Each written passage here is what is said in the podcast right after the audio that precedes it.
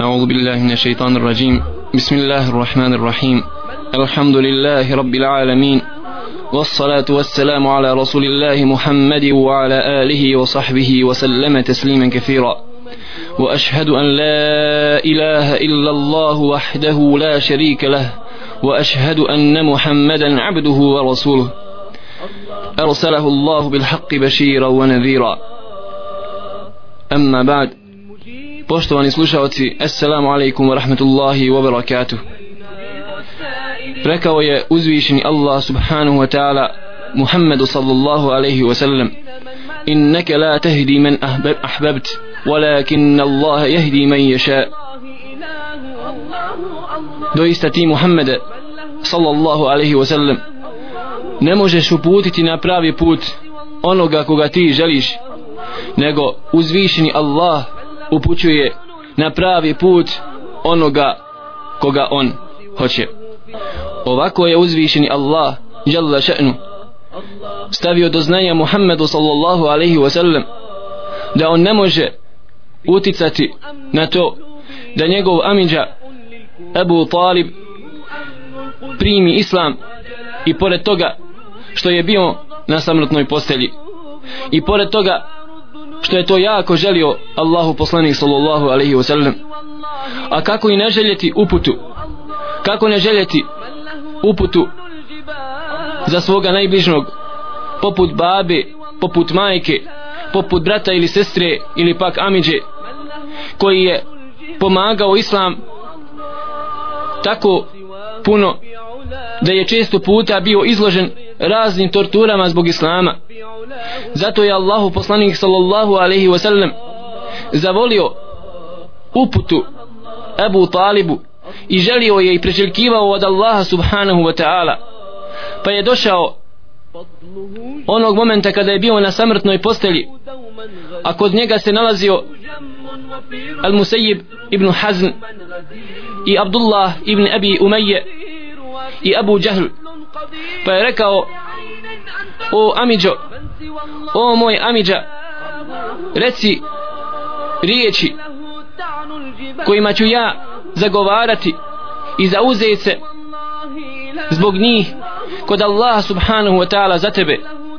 Reci o Amidžo la ilaha illa Allah pa su prisutni mušrici poput Abu Jahla i Al-Musayyiba ibn Hazna i Abdullaha ibn Abi Umayya rekli Abdul Muttalibu koji se nalazio na samrtnoj postelji zar ćeš ostaviti vjeru Abdul Muttalibovu?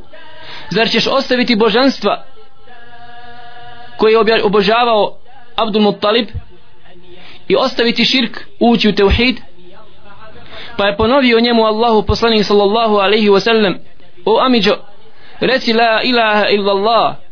Zbog tih riječi ja ću se moći zauzeti kod Allaha subhanahu wa ta'ala za tebe. Pa su oni isto tako ponovili prisutni mušici Abdul Muttalibu odnosno Ebu Talibu zar ćeš ostaviti vjeru Abdul Muttalibovu i na kraju odlučio se za širk Allahu subhanahu wa ta'ala. Ebu Talib i rekao je ostajem na vjeri Abdul Muttaliba da nas Allah sačuva od toga pa je rekao Allahu poslanik Muhammed sallallahu alaihi wasallam kada je vidio da njegov amidža koga je tako volio ipak odlučuje da umre na širku na kufru Allahu subhanahu wa ta'ala rekao je la astagfiranna leke ma lam unha ank. Ja ću zasigurno moliti za tebe tražit ću oproste od Allaha subhanahu wa ta'ala sve dok ne bude mi to zabranjeno. Pa je objavio Allah jalla še'nu Allahum poslaniku sallallahu alaihi wa sallam ma kana lin nabi والذين آمنوا أن يستغفروا للمشركين pa je uzvišeni Allah subhanahu wa ta'ala objavio kuranski ajet ne treba i ne smije Allahu poslanik sallallahu alaihi wa sallam i oni koji vjeruju da traže oprosta za mušrike walau kanu uli kurba pa makar ti mušrici oni koji su preselili u kufru i širku Allahu subhanahu wa ta'ala bili od najbližije njegove rodbine. Pa makar to bio i otac i majka ili amiđa ili brat ili sestra ne smije poslanik niti oni koji vjeruju da traže oprosta od Allaha subhanahu wa ta'ala za umrle mušike za umrle nevjernike pa makar oni bili njihova, njegova najbliža rodbina. U ovom kuranskom ajetu jasno uzvišeni Allah dželle šanu stavlja do znanja Muhammedu sallallahu alejhi ve sellem ali isto tako i vjernicima da znaju da uputa jeste u Allahu in subhanahu wa ta'ala rukama. Međutim uzvišeni Allah dželle šanu je objavio jedan drugi kuranski ajet Muhammedu sallallahu alejhi ve sellem gdje kaže inneke la, tehdi ila siratim mustaqim. Doista ti o Muhammede upućuješ na pravi put. Tako da ovaj drugi kuranski ajet na izgled izgleda kontradiktoran sa ovim priješnjim ajetom. Međutim draga braćo i sestre treba da znamo da u Kur'anu nema kontradiktornosti jer kako će biti u Kur'anu kontradiktornosti kad su došle kad je Kur'an došao od Allaha subhanahu wa ta'ala?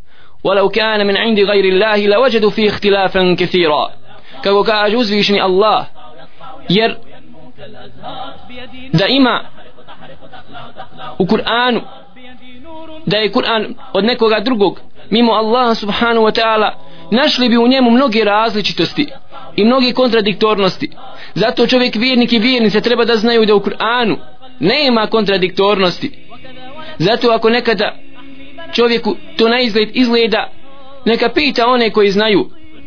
Kažu islamski učenjaci da ovdje uzvišni Allah žele še'nu govori Muhammedu sallallahu alaihi wa sallam da on upućuje na pravi put u smislu pokazivanja i upućivanja i dostavljanja Allahove subhanu wa ta'ala vjeri. Pokazuje čovjeku pravi put ukazuje mu put do dženneta. Put koji ako bude išao spasit će se od vječne vatre. I ovako Allahu poslanik sallallahu alaihi wasallam jeste upućivač u smislu pokazatelja kao čovjek onaj koji stoji na raskrsnici puteva i upućuje prstom ljude i pokazuje im koji je to pravi put kojim trebaju da idu. A što se tiče ovog prvog kuranskog ajeta gdje mu uzvišen Allah želešenu kaže ti ne upućuješ na pravi put nego Allah upućuje onoga koga, koga on hoće. Njegovo značenje jeste da kada čovjek kada čovjeku bude dostavljena uputa od strani Allaha subhanahu wa ta'ala kad dostavi Muhammed sallallahu alaihi wa sallam uputu od Allaha jalla še'nu onda Muhammed sallallahu alaihi wa sallam ne može uputiti u smislu da natjera čovjeka da uđe u ovu Allahu subhanahu wa ta'ala vjeru da krene tim putem koji mu je malo prije pokazao. Što znači da ova stvar jeste na Allahu jalla še'nu. Koga hoće Allah jalla še'nu uputi i krene tim putem koji mu je pokazao poslanik Muhammed sallallahu alaihi ve sellem a koga uzvišni Allah jalla še'nu želi da ostavi u zabludi on ga ostavi. Ovom prilikom draga braćo i sestre želimo da pojasnimo jednu pogrešnu izjavu mnogih ljudi koji kažu da je Allah htio uputio da je Allah htio da me uputi na pravi put on bi me uputio. Allah nije htio da me uputi zato sam ja ovakav kakav jesam. Draga braćo i sestre prvo treba da kažemo takvom čovjeku koji ovako razmišlja odakle ti znaš šta je uzvišeni Allah subhanahu wa ta'ala htio? I šta ti znaš šta je uzvišeni Allah žele odredio? Odakle znaš šta ti je uzvišeni Allah odredio?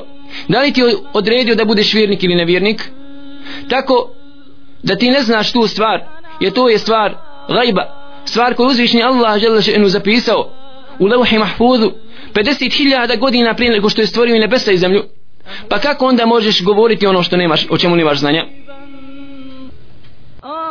Drugu stvar koju kažemo ovakvom čovjeku koji ovako razmišlja jeste to da iz ove stvari što je uzvišni Allah odredio čovjeku ko će ući u džennet, ko će biti upućen, a koga će ostaviti u zabludu i što je tu stvar zapisao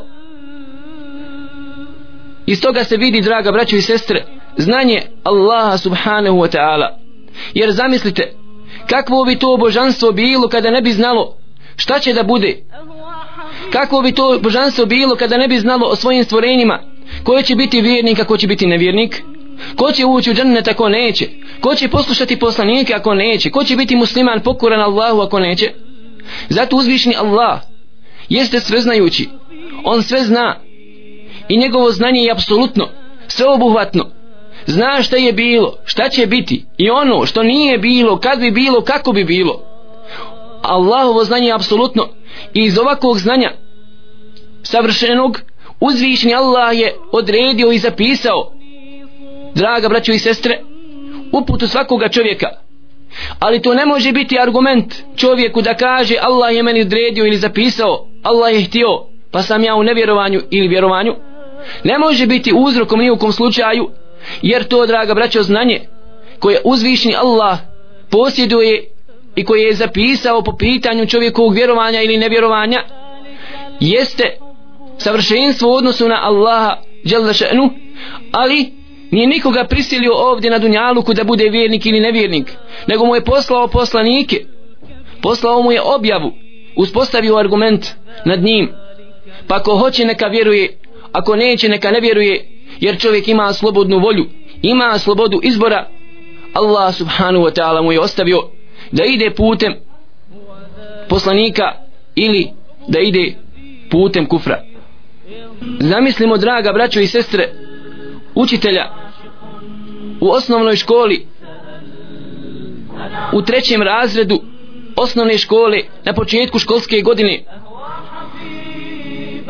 Imao je iskustva sa svojim učenicima u prvom i u drugom razredu i zna da učenik taj i taj u prvoj i drugoj godini bio je apsolutno loš i zna da ne može u trećoj godini preći i savladati nastavni plan i program. I ovaj učitelj zapiše u svoj dnevnik bez toga da objašnjava učenicima zapiše u svoj dnevnik po imenu i prezimenu taj učenik taj i taj, taj i taj neće proći u trećem razredu i ostavi taj dnevnik. I zaista kada dođe kraj školske godine oni padnu. Ali kakav je grijeh učenika što je samo zapi, učitelja što je zapisao ovu stvar? Jer je znao iz iskustva poznavao je prirodu i čud i mentalni sklop tog učenika. Tako da je samo zapisao ono što je znao. Može li učenik imati opravdanje pred učiteljem? I argument da ga optuži da kaže učinio si mi nasilje što si zapisao da ću propasti u trećem razredu. Apsolutno. Apsolutno svako pametan i razuman reći će da ne može učenik imati argument i opravdanje u odnosu na učitelja ili da mu se može žaliti. Ovako draga braćo i sestre kako može imati čovjek opravdanje da kaže Allah mi je odredio Allah je htio da ja budem nevjernik. Odakle ti znaš šta Allah je htio i šta Allah hoće i šta je uzvišnji Allah zapisao? Kao kaže Allahu poslanik sallallahu alaihi wa sallam i'malu vi radite radite. Svakom je olakšano ono zašto je stvoren. Pa ko hoće neka krene putem poslanika neka krene putem dženneta. Ako hoće neka krene putem kufra i putem džehennema u ovom hadisu Allahu poslanika Muhammeda sallallahu alaihi wa sallam spomenuto je draga braćo i sestre da je došao Allahu poslanik sallallahu alaihi wa sallam Ebu Talibu u momentu dok je bio na samrtnoj postelji. Tako da nekome može biti nejasna ova stvar i stvar riječi Allaha subhanahu wa ta'ala وليست التوبة للذين يعملون السيئات حتى إذا حضر أحدهم الموت قال إني تبت الآن يوزيشني الله نجيرا primanje teube onoga ko dođe na samrtnu poselju gdje kaže uzvišenje Allah ne prima se teoba oni koji budu radili loša djela u momentu kada se, ako želi da se pokaju u momentu kada nastupi im smrt i bude rekao sad se kajem međutim ovdje nema kontradiktornosti. Između ovog haditha Allahu poslanika sallallahu alaihi wa sallam što je došao da poziva svoga Amidžu Ebu Taliba na samrtnoj postelji. Između ovog kuranskog ajeta. Jer u stvari ovdje se vidi jasno da je Ebu Talib da je Ebu Talibova duša još nije počela da izlazi nego da su na njemu bili samo znakovi smrti kao što se mogu primijetiti kod mnogih bolesnih ljudi. A da se ovaj kuranski ajet odnosi da se ne primate oba u momentu kad duša počne izlaziti iz tijela. Tako da nema nikakve kontradiktornosti između ovog hadisa Allahu poslanika Muhammeda sallallahu alaihi wasallam i ovog kuranskog ajeta koji se odnosi da uzvišeni Allah ne primate obu čovjeka ne prima pokajanje u momentu kad duša počne da izlazi iz tijela da se povlači iz dijelova tijela i dođe u grkljan tada la ilaha illallah se ne prima kod Allah subhanahu wa ta'ala. Niti te oba za bilo koji grije međutim prije nego što počne duša izlaziti iz tijela nema sumnje draga braćo i sestre da se tada te oba prima. Čak najviše i najpreći da se tada primite oba kod Allah subhanahu wa ta'ala jer u tim momentima čovjek se sprema za susret pred Allahom subhanahu wa ta'ala i njegovo srce je počinjeno i po, poniženo pred Allahom samo. I često puta ovaka te oba je najiskrenija zato što dolazi iz iskrenog srca u tom momentu. Također iz ovog hadisa Allahu poslanika Muhammeda sallallahu alaihi wa sallam jasno se vidi draga braćo i sestre da nije dozvoljeno vjernicima da traži oproste oproste od Allaha subhanahu wa ta'ala za mušike i za nevjernike za one koji su preselili Allahu subhanahu wa ta'ala u kufru ili širku pa makar oni bili i naši najbliži. Tako draga braćo i sestre čovjek treba da zna da nije dozvoljeno nevjerniku ili mušriku ili ateisti komunisti koji jasno negirao Allahu subhanahu wa ta'ala postojanje. I ne samo to psovao je Allaha jasno se deklarisao da nema sudnjega dana da nema dženneta niti džahannama nije dozvoljeno takvom čovjeku klanjati dženazu. I nije dozvoljeno dići ruke Allahu subhanahu wa ta'ala i tražiti od Allaha za oprost njegov. Pa kako kako onda može se desiti da vjernik stane na kabur takve osobe kada je uzvišeni Allah jalla še'nu zabranio Muhammedu sallallahu alaihi wa sallam da moli za svoga amiđu bez obzira što ga je toliko volio i bez obzira što je njegov amiđa borio se čak za islam nije psovao Allaha nije se borio protiv Allahove vjere nego je još štitio Allaha.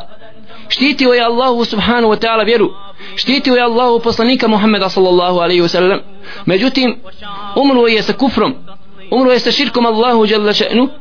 Tako da je i pored toga i pored te usluge koju učinio islamu i muslimanima uzvišni Allah jalla še'nu zabranio Muhammedu sallallahu alaihi wa sallam da uputi dovu njemu za njega. Međutim zbog neznanja u vjeri bilo je onih koji su htjeli učiti Kur'an čak i najvećim tagutima najvećim onim ljudima koji se borili protiv Islama koji su 40 i 50 godina držali ovu zemlju u, u komunizmu. Međutim kažem zbog neznanja ljudi bilo je oni koji su plaćali hatme ili učili jasine čak i takvim ljudima. Draga braćo i sestre uzvišeni Allah subhanahu wa ta'ala je zabranio uputiti dovu Allahu jalla še'nu. Za one koji su preselili jasno u kufru Allahu jalla še'nu. Koji se ukopavaju u odijelama u dijelima i kravatama i na čijim sahranama sviraju orkestri posmrtne pjesme. Pa kako može čovjek onda pomisliti da je takav čovjek musliman? Da će ući u džennet samo zato što nosi ime muslimansko. Iz ovog događaja sa Ebu Talibom uzima se i pouka da je Ebu Džahl i općenito mušnici u Mekki da su znali šta znači la ilaha illallah. Oni su znali vrlo dobro šta znači la ilaha illallah sa kojim je došao Allahu poslanik Muhammed sallallahu alaihi wa sallam jer da nisu znali šta iza toga proizilazi da nisu znali šta znači one la ilaha illallah da to kad bi iz toga proizilazilo samo formalno izgovaranje jezikom izgovorio bi jebu džehl izgovorio bi jebu leheb izgovorio bi čak jebu talib. Međutim oni su znali da iz riječi la ilaha illallah koji čovjek izgovori to automatski znači da ibadet smiju onda osmjeriti samo Allahu subhanahu wa ta'ala. Da svoj ibadet onda ne smiju više predati bilo kome mimo Allaha jalla še'nu. Zato oni su znali šta to znači. Zato nisu izgovorili jer su znali šta iza toga proizilazi. Za razliku od mnogih ili bolje reći jednog dijela muslimana koji izgovaraju la ilaha illallah ali naći ćemo draga braćo i sestre da oni mrze islam mrze Allaha bore se protiv Allahove i Jalla še'nu vjeri bore se protiv Allahove i Jalla še'nu robova ali njihova imena su muslimanska. Izgovorit će ti stotinu puta la ilaha illallah ali naći ćeš ga najvećim neprijatelja Allaha i poslanika zato što ne razumije što znači njegovo la ilaha illallah. Zato mu ono neće koristiti kod Allaha subhanahu wa ta'ala ništa na sudnjem danu.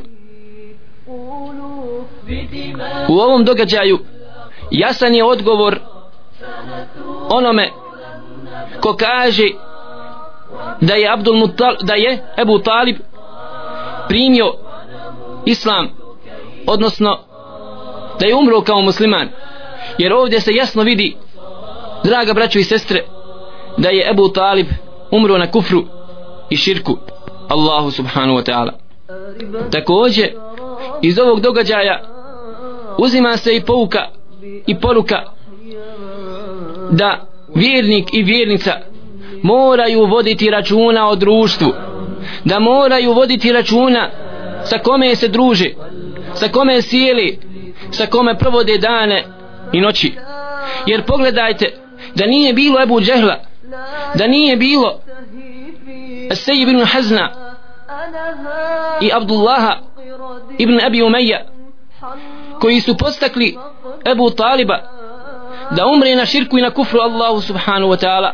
Možda možda bi on primio islam međutim samo njegovo druženje sa mušicima sa nevjernicima u Allaha še'nu bilo je jedan od najvećih uzroka da je u posljednjim momentima pokleknuo i nije prihvatio Allahu subhanahu wa ta'ala vjeru. Zato draga braćo i sestre čovjek mora voditi računa sa kome se druži sa kome sjeli sa kome provodi dane i noći. Jer pogledajte hadith Allahu poslanika sallallahu alaihi wasallam šta kaže za dijete koji se rodi u Allahovoj vjeri. Jer svako se dijete rađa u Allahovoj vjeri u islamu.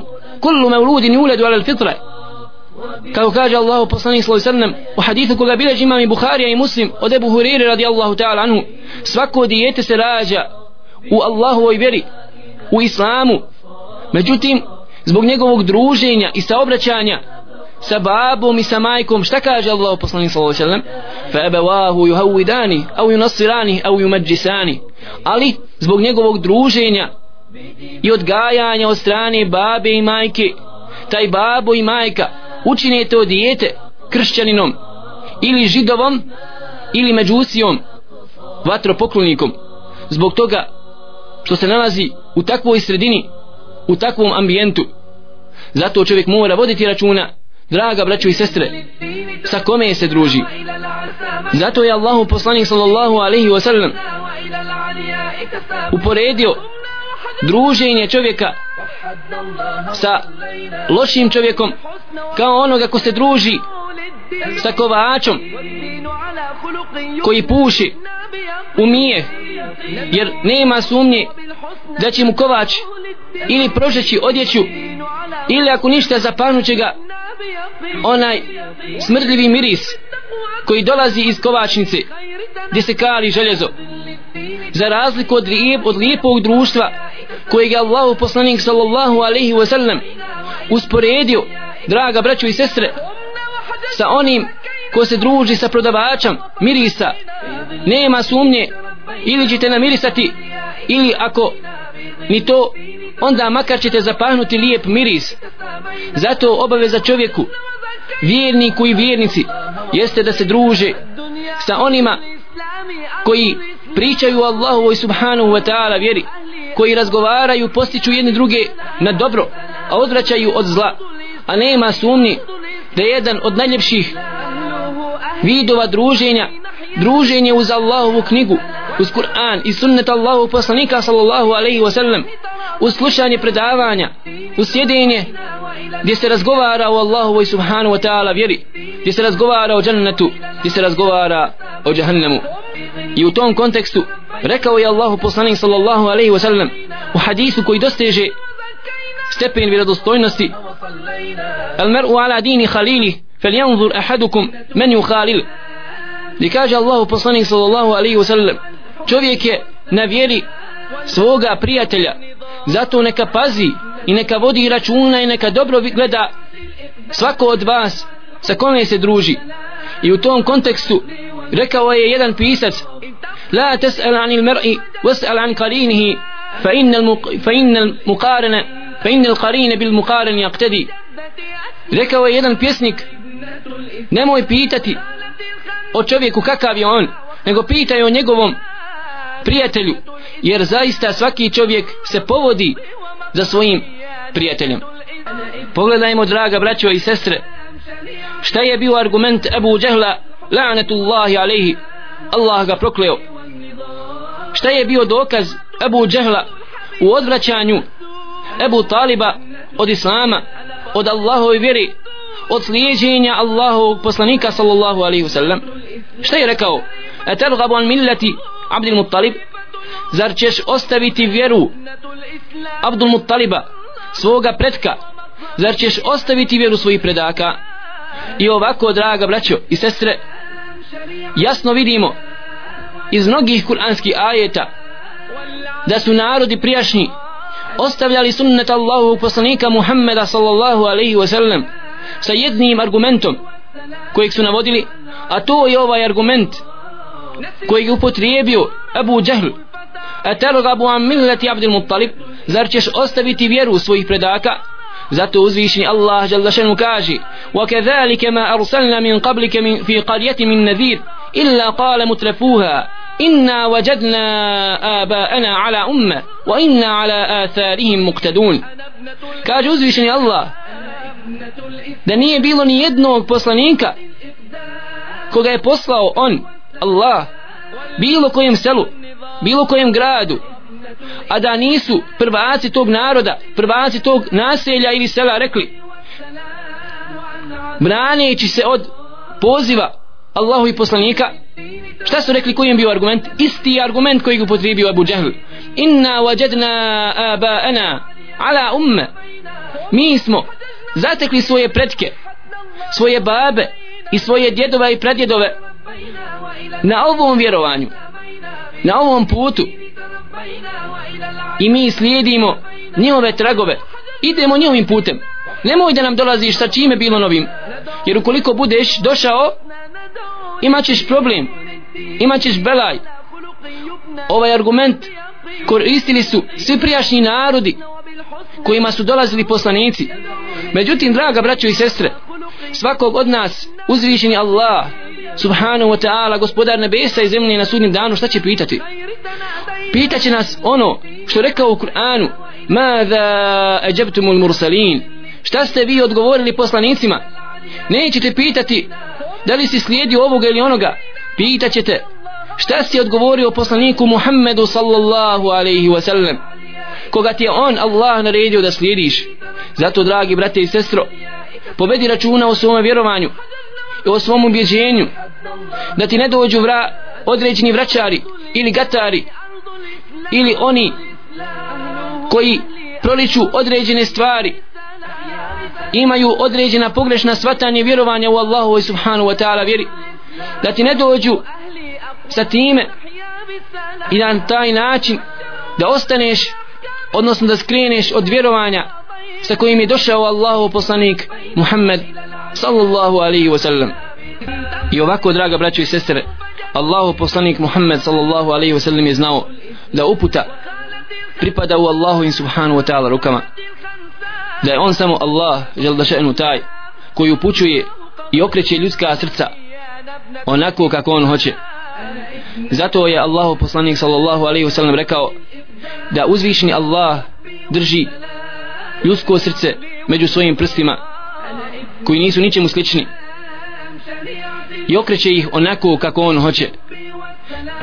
I onda je proučio dovu Allahumma ja muqallib al qulub tebit qalbi ala dinik.